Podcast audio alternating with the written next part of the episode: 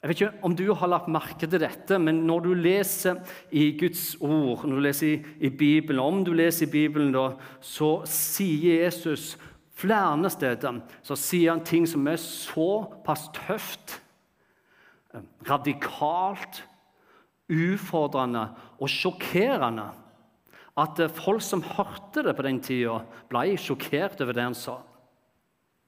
Flere plasser så kan du lese at når Jesus sa ting, så sto de som et spørsmålstegn igjen og lurte på hva var det han sa. Han mente ikke det. Gjorde han det? Var det det? Kan du si det en gang til, det du sa?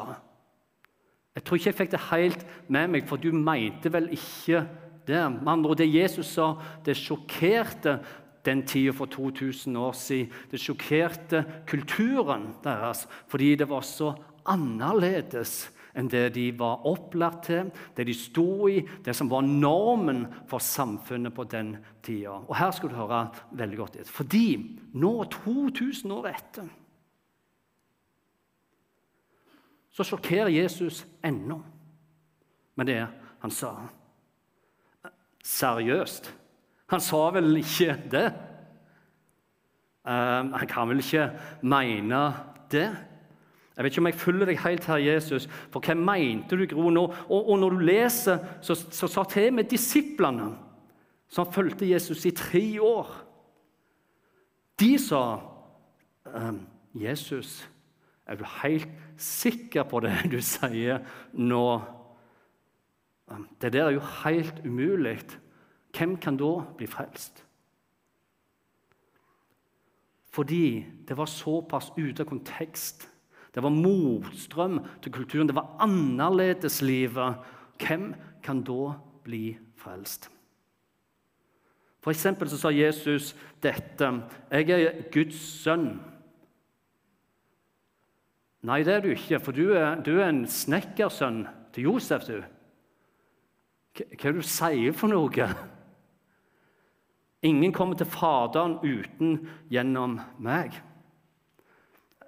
Jeg er verdens lys.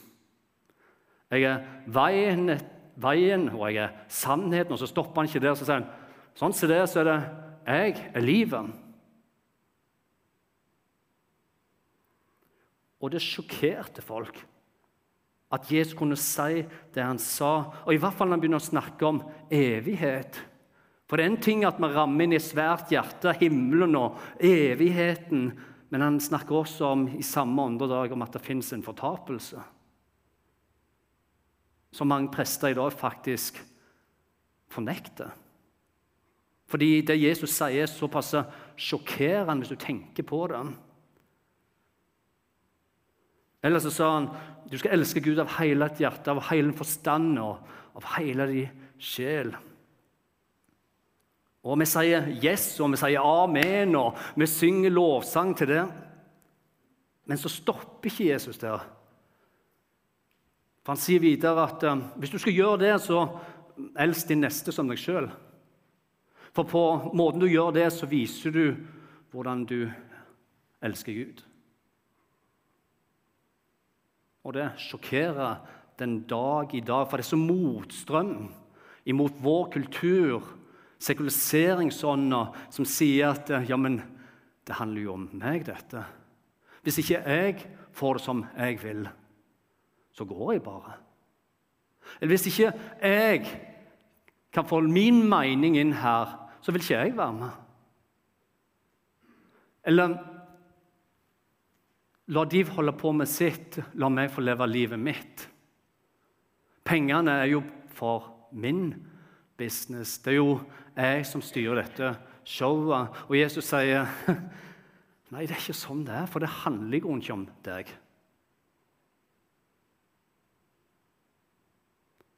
Og Jesus han sjokkerer den dag i dag. Og tingen er, om det var superradikalt for 2000 år siden, så er det superradikalt i dag. Og det vi skal gjøre i dag, er at vi skal inn i en historie som jeg har tenkt på i mange år når jeg har lest den. så jeg har tenkt, Oi, det du sier der, Jesus, det, der, det er faktisk såpass hardt at jeg vet ikke helt om jeg er der. Men det kan være at Jesus også har noe dypere å si til oss alle gjennom historien som vi skal inn i. Og Faktisk ble disiplene så forskrekka når de hørte den, at det står i Bibelen dette her, at de sier «Eh, Jesus eh, Nå ble vi faktisk forskrekka. Hvem, hvem kan bli frelst hvis det er sånn? Eh, vi har ikke sjans. Men andre, mener du det du sier, eller, eller snakker du i gåte her, eller? Det er ikke mulig for noen mennesker å få til. Så for deg som har med Bibelen Kan dere ta fram den nå?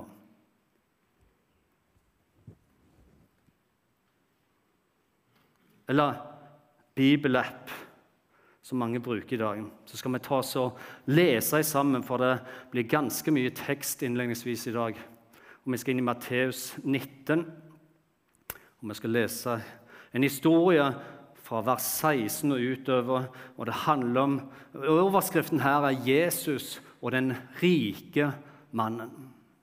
Jesus og den rike, unge mannen. Det kom en dag en mann til han og spurte 'Mester' Må ha gått etter. Spørsmålet er sentralt. 'Mester, hva godt skal jeg gjøre for å få evig liv? Og I utgangspunktet så tenker jeg bra spørsmål. Du er interessert i evig liv.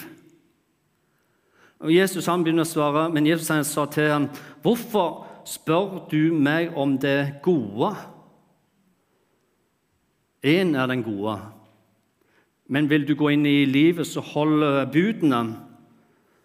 Hvilke spurte denne rike mannen Jesus. Og Jesus svarte, 'Du skal ikke slå i hjel.' 'Du skal ikke bryte ekteskap, du skal ikke stjele.' 'Du skal ikke vitne falskt, og du skal hedre din far og mor.' 'Du skal elske din neste som deg sjøl.'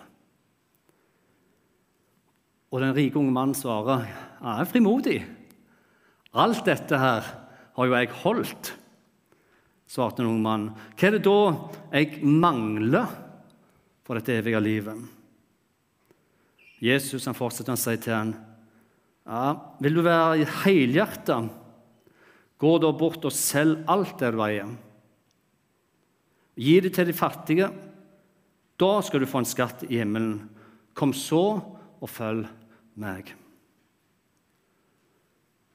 Men da den unge mannen hørte dette, ble han meget bedrøvet, og han gikk bedrøvet bort Hvorfor? Fordi han eide mye. Jesus sa til disiplene.: Sannelig, sier dere, det er vanskelig for en som er rik, å komme inn i himmelriket. Ja, jeg sier dere, det er lettere for en kamel å gå gjennom et nåløye enn for en rik å komme inn i Guds rike. Da disiplene hørte dette, ble de helt forskrekka, og de spurte Jesus Hvem kan da bli frelst? Jesus så på dem og sa, for mennesket er dette umulig, men alt er mulig for Gud. Da tok Peter til orde og sa, typisk Peter, som oftest alltid Peter Og Peter han tar til orde og sier, men hvem av oss, da? Vi har forlatt alt og fulgt deg. Hva skal vi få? Jesus sier til dem, sannelig, sier dere, når alt blir født på ny, og menneskesønnen sitter på tronen i sin herlighet, da skal også dere som har fulgt meg, sitte på tolv troner som dommer over Israels tolv stammer. Og enhver som har forlatt hus, eller brødre eller søstre eller far eller mor eller barn eller åkre for mitt navns skyld, skal få mangedobbelt igjen og arve evig liv. Men mange som er de første, skal bli de siste. Og de siste skal bli de første.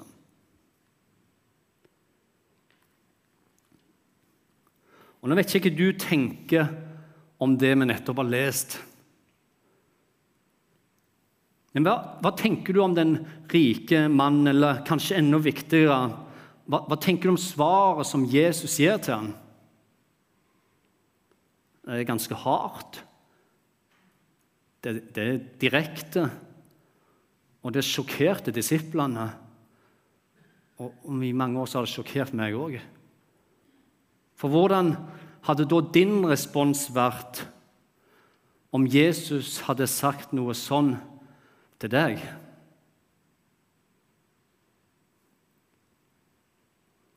Vil du være helhjerta? Gå bort og selg det du eier, og gi det til de fattige. Da skal du få en skatt i himmelen. Kom så og følg meg. Hvordan hadde vi reagert? Hvordan hadde jeg reagert? For, for det sjokkerte den rike mann, det sjokkerte disiplene, og det sjokkerer den dag i dag. Så det vi skal gjøre i dag, er at vi skal ta denne teksten og så skal vi gå inn i tre deler i teksten plukke ut tre ting. og Det finnes sikkert mer, men disse tre tingene tror jeg er veldig viktige for at vi får med oss nå i dag. Og Det første vi skal se på, er at den første Jesus han snakker det, det er helt i slutten av teksten når Jesus sier den første skal bli den siste, og den siste skal bli den første. For tingen er jo dette her, at Når du leser om den unge mannen, den her rikmannen, så virker det jo som han hadde det meste på stell. Han virker i grunnen som å være en fantastisk god kar. En som gjorde det gode, og som gjorde det rette, som ville være en rettskaffen mann. Han virker til å være mors beste barn, i hvert fall svigermors beste drøm, liksom. Og I alle år har jeg tenkt at han her han er i grunnen klasse.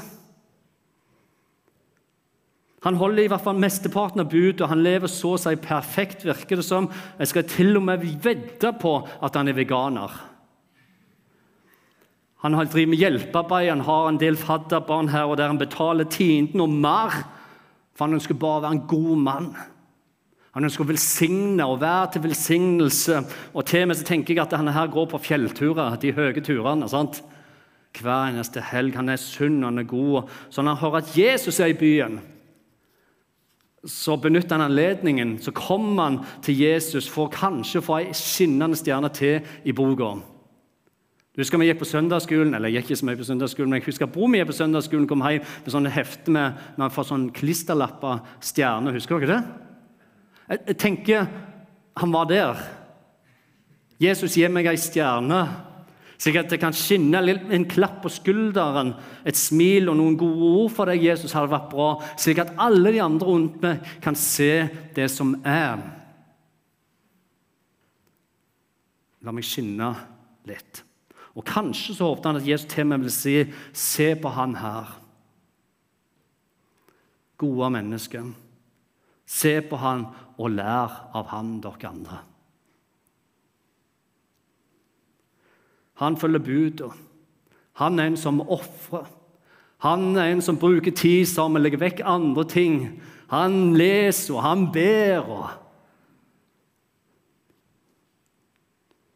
og Kanskje var det dette scenarioet han så for seg at Jesus ville liksom peke på han og si. Og så ble det ikke helt sånn som han håpet. Nei, faktisk så ble det ikke det i det hele. Det ble liksom helt motsatt av det han så for seg og Jeg vet ikke om, om, du har tenkt på dette her noen gang, men jeg, men jeg, tenker på dette her, at jeg lurer på om den rike mannen her kanskje angra skikkelig på om at han hadde tenkt den tanken han skulle spørre Jesus hva skal til for å arve evig liv. For når han går bort derfra, så er det ikke like kjekt som han kommer. Mest av spørsmål hva skal jeg gjøre for å få evig liv. Ikke like gøy nå. 17. august. For 25 år siden så sto Lena, kona mi, og meg i kirka og sa ja til hverandre. Ja til elsker. Fint bilde. Ja til å leve sammen, ja til å være der for den andre. Det vil igjen si at når først kommer tirsdag, så har vi 25 års bryllupsdag. Ja, tusen takk. Og nå vet jeg ikke hvordan det er med deg, men jeg tror meg sjøl her i sist uke mens jeg så og tenkte på det her inne på kontoret da, og jobbet, så plutselig så tenkte jeg vi har bryllupsdag på tirsdag. Og jeg er så flink å finne på mange ting hvert eneste år. Så jeg tenkte at vi får se dette året her. Men, eh, men i hvert fall Det var en spøk, det siste der, altså, bare så det er sagt. Jeg skulle vært kanskje flinkere, men eh, åh, la det være. Det er ikke det jeg skal. Men poenget mitt er dette her. Mens jeg sitter der og tenker på det, så tenker jeg Hvor har de åra blitt av? 25 år! Altså Jeg føler meg som 29 år ennå. Og kroppen sier at jeg ikke er 29. Men hvor har åra blitt av? Og i grunnen kan jeg ikke forstå hvor tida har blitt av. Og, og, jeg vet ikke hvordan det er med det, Men når jeg ser på ungene, da, at jeg virkelig forstår at tida den har føket, og den flyr av gårde. Fordi når jeg ser på ungene, så er det sånn liksom, Nei, men så stor du har blitt! Når skjedde dette? Um, sist jeg husker, så var det bleie. liksom, Nå kjører du bil. Hvor ble det av alle år, og hvor fort det går? Og jeg husker De hoppet på trampoline og de slo hjul på plenen og de sykla. Og de sa 'Se på meg, pappa! Se på meg!' Og jeg så på det. Og 'Å, pappa, du er så kul!' Og så har det liksom forvandla seg til 'Å, må du se på meg?' Du er rar. Og det skjer en del ting, men hvordan skjedde det? For tida den bare fløy av gårde. Og Jeg vet ikke om du sitter med samme greia. Liksom. Hvor, hvor utrolig fort tida går. Og det virker som det går fortere og fortere til eldre du blir. Stemmer dette, eller? Ja, en som nikte. C.S. Lewis, som døde i 1963, han blir ennå i dag regnet som en av tid, vår tids eller alle tiders største tenkere. Og Han skrev en gang dette her om å lese godt. For legg merke til, skriver han, til hvordan vi er vedvarende overraska av tida. Vi sier 'som tida flyr'. Og så fortsetter han. De to tinga som alle mennesker til alle tider har erfart, og som skulle være den mest naturlige ting i verden for oss, er jo tida, og det er døden. Det ser like fullt ut til å komme overraskende på oss. Videre så sammenligner C.S. Lewis det med en fisk. Når han sier det er nesten som vi mennesker er som en fisk som stadig lar seg overraske over at vannet er vått. Og Poenget hans er dette her, at vi, du og meg, og de vi elsker, og de vi har rundt oss Vi er alle skapt for noe annet enn denne korte tiden vi har her på jorda. For, for vi er skapt for en evighet. Så det bør ikke overraske oss, sier han, at Jesus sjokkerer oss i de statementene han sier. Fordi det handler ikke om dette livet her, men det handler om at du investerer i dette livet her for det som skal komme. Og Derfor så sier Forkynnerens bok det sånn som dette her, at alt skapte han vakkert i si tid. Også evigheten har han lagt ned i menneskets hjerte, men de fatter ikke det verk som Gud har gjort, fra først til sist. Når Jesus da sier at den første skal bli den siste, og den siste skal bli den første. Så peker han på evigheten, så, den unge mannen som, som, er der og spør, og han sier at en dag så er det sånn at Gud skal gjøre opp. Han skal dømme rettferdig. Slik at den som ikke hadde noe i livet, skal få alt. Og den som hadde mye i livet og valgte å si at 'dette er mitt', den skal bli tatt ifra alt. For hvis dette livet her handler kun om meg sjøl, eller om oss, mitt og ditt, og vi ikke vil gi videre, så sier Jesus du fikk som den første, men forvalta som den siste. Bibelen sier dette her at tida på jorda den flyr, og den flyr av gårde. Plutselig så var vi der, så var det 25 års bryllup. Hvor ble det av året, tenker jeg. Og en dag der framme så skal vi alle møte Jesus ansikt til ansikt. Spørsmålet er hva gjorde jeg med tida jeg fikk? Ble det meg i sentrum, meg sjøl først? Var det mine drømmer først, mine ressurser først, mitt liv først og Guds kall og det å tjene andre sist? Jesus sier den som velger å være den første, skal bli den siste. Mens den som ydmyker seg, som står i tjeneste for Gud, og som gir sitt liv og gir tilbake i forhold til det han kaller ham til å være, skal være den første. For med stort privilegium, med store velsignelser, så følger det også med et stort ansvar, sier Bibelen. Som det er det andre som skal se på i historien om den rike mannen. Nettopp dette, at med store velsignelser så følger det stort ansvar. Vi lever i en del av verden og i en kultur som lett kan speile seg i den rike mannens verden. Eller det vil si at her i Norge så tenker vi nødvendigvis ikke om oss sjøl at vi er rike. Nei, nei, nei. Vi liker ikke det. Tanken der Nei, nei, nei, nei, nei, nei, nei, nei, nei, nei.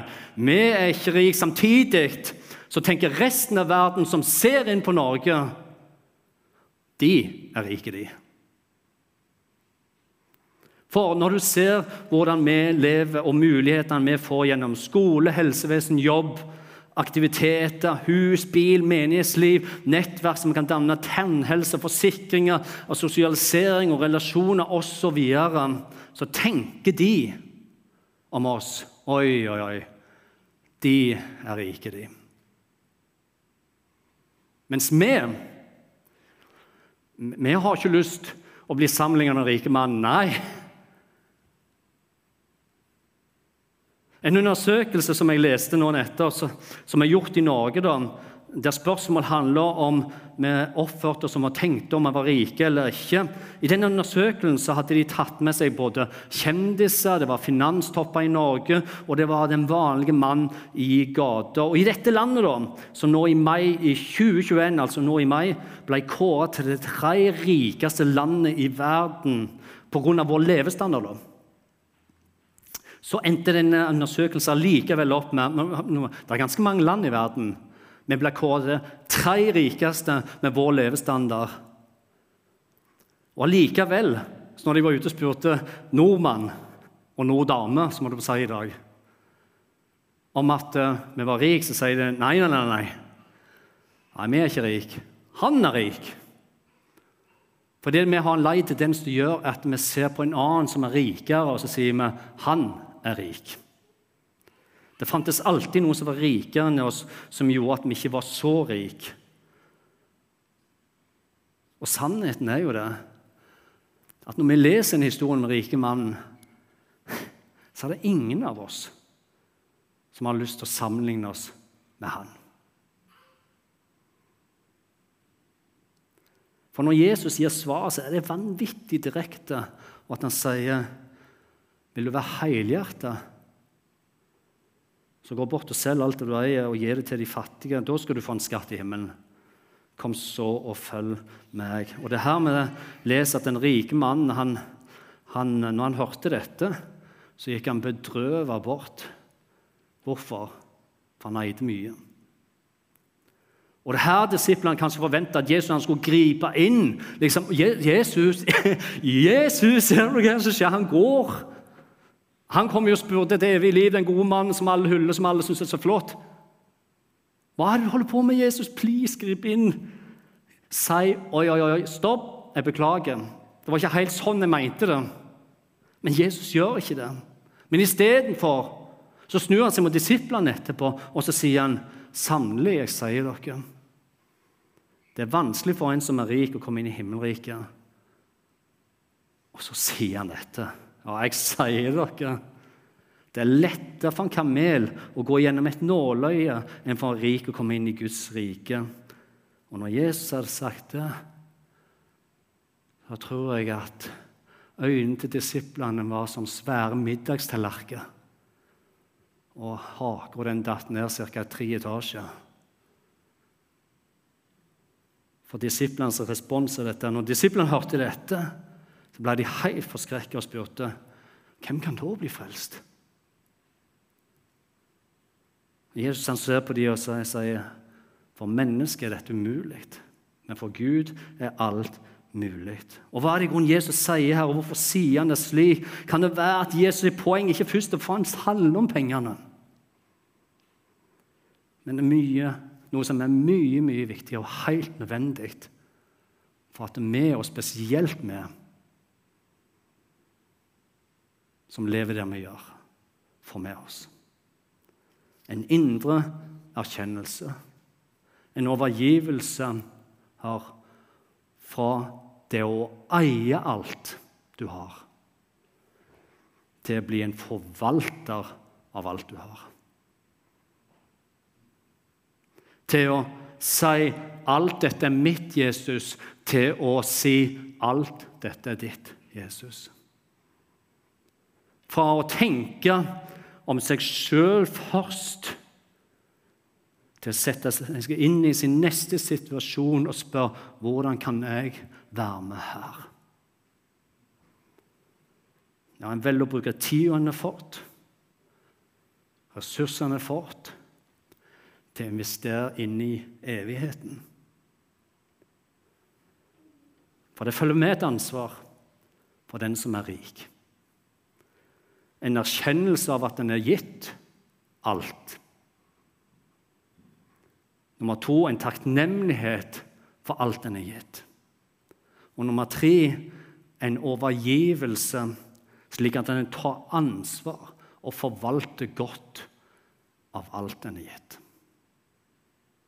Vet du hva jeg er enormt takknemlig for?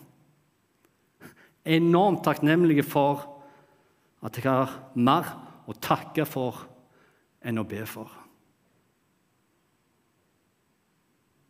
Det er ikke alle som har det.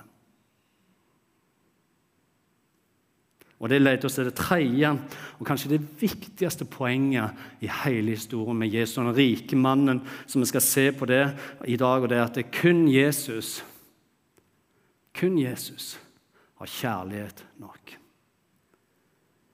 Hva mener jeg med det? I Romerbrevet 8 så skriver apostelen Paulus han skriver sånn som dette her, så er det ingen fordømmelse for den som er i Kristus Jesus. Det er ingen fordømmelse for den som er i Kristus Jesus. Noe som igjen betyr at det fins ingenting. Det er helt blankt, det er null, det er niks, det er zero. Alt er borte. Det er glemt, det er vaska rent, viska bort, kasta. Det fins ikke mer. Har overhodet ingen fordømmelse for den som er Kristus Jesus. Selve ordet fordømmelse kommer fra ordet 'fordømt', som igjen er henta fra ordet 'dom' eller 'dommen'.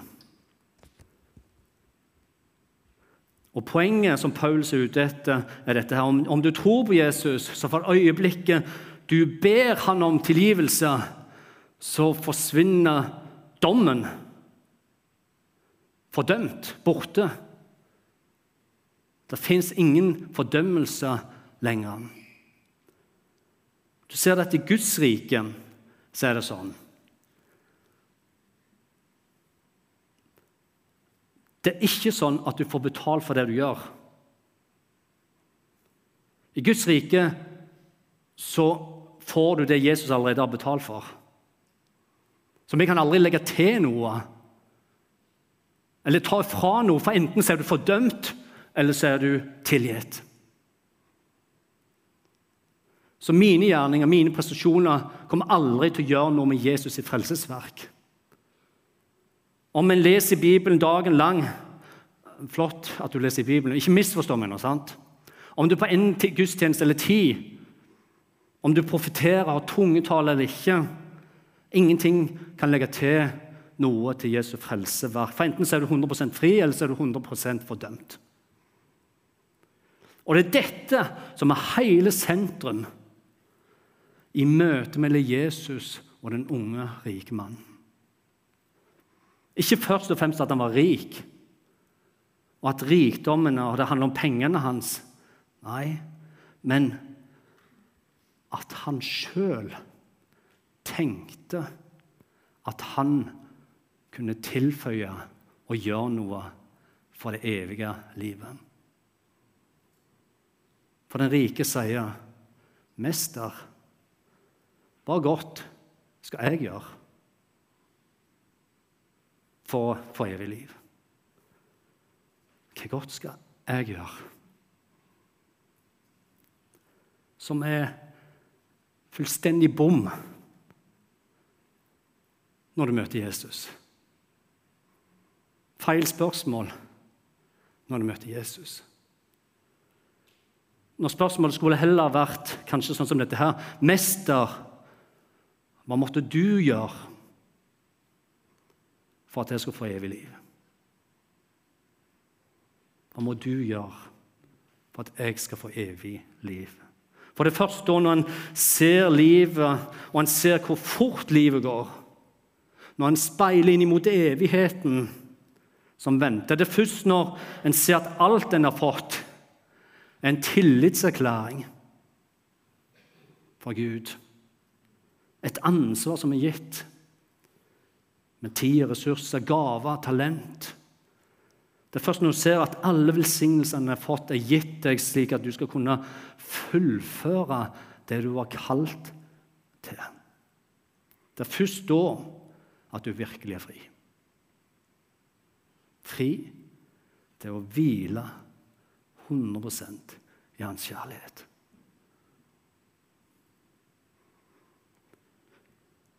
Det handler ikke om meg, det handler om jeg får lov til å ta imot. Alt er ferdig. Jeg skal få lov til å ta imot for å hvile og forvalte. Og Derfor så sjokkerer Jesus disiplene denne dagen her i møte med noen der mange for grunnen til han sjokkerer, for ingen skal noen gang tro at de har noe å tilføye. Er hans frelsesverk. Er det han måtte gjøre for at vi skulle få frihet. Amen. Så må vi bli sammen til slutt. Takk, Jesus, for det er du alene som er verdig. Alt skapte du vakkert i din tid, Herre. Og så evigheten, det la du ned i vår hjerte. Og så blir vi distrahert, og så møter vi sekulisering, og så møter vi kreftene i denne verden, Herre. Og så står det at vi fatter ikke hvilket verk som du, Gud, har gjort fra første sist. Takk, Herre, for at du alene er verdig. Det er kun du, Jesus, som har kjærlighet sterk nok. Det er kun du, Jesus, alene som kan seire over døden. Det var du som seirer, og det er du som gir oss evig liv. God far, må du hjelpe oss til å hvile slippe å stresse,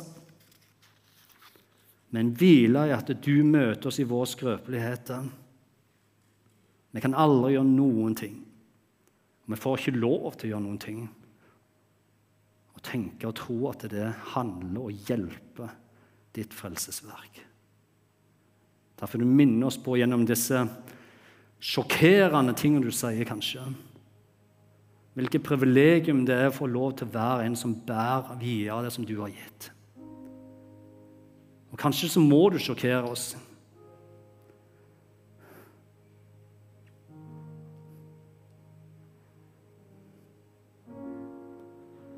For vi har så lett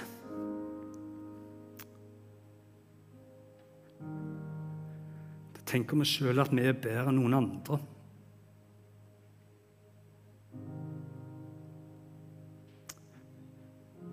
Tenker vi sjøl at dette livet handler om oss, om å oss. Og så mister vi den ene som du kalte oss til å være for. Så går vi forbi den som trengte det vi har fått.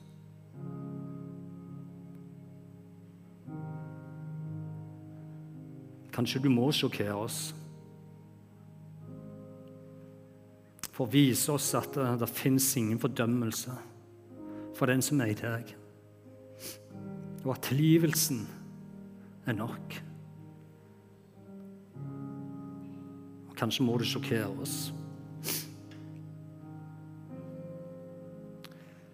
Som ikke går rundt og tror at vi har noe som helst å legge til det som du allerede har gjort.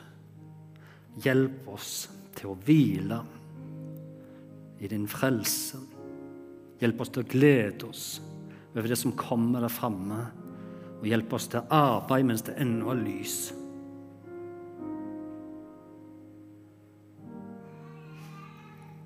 I Jesu Kristi navn vi ber. Og da sier vi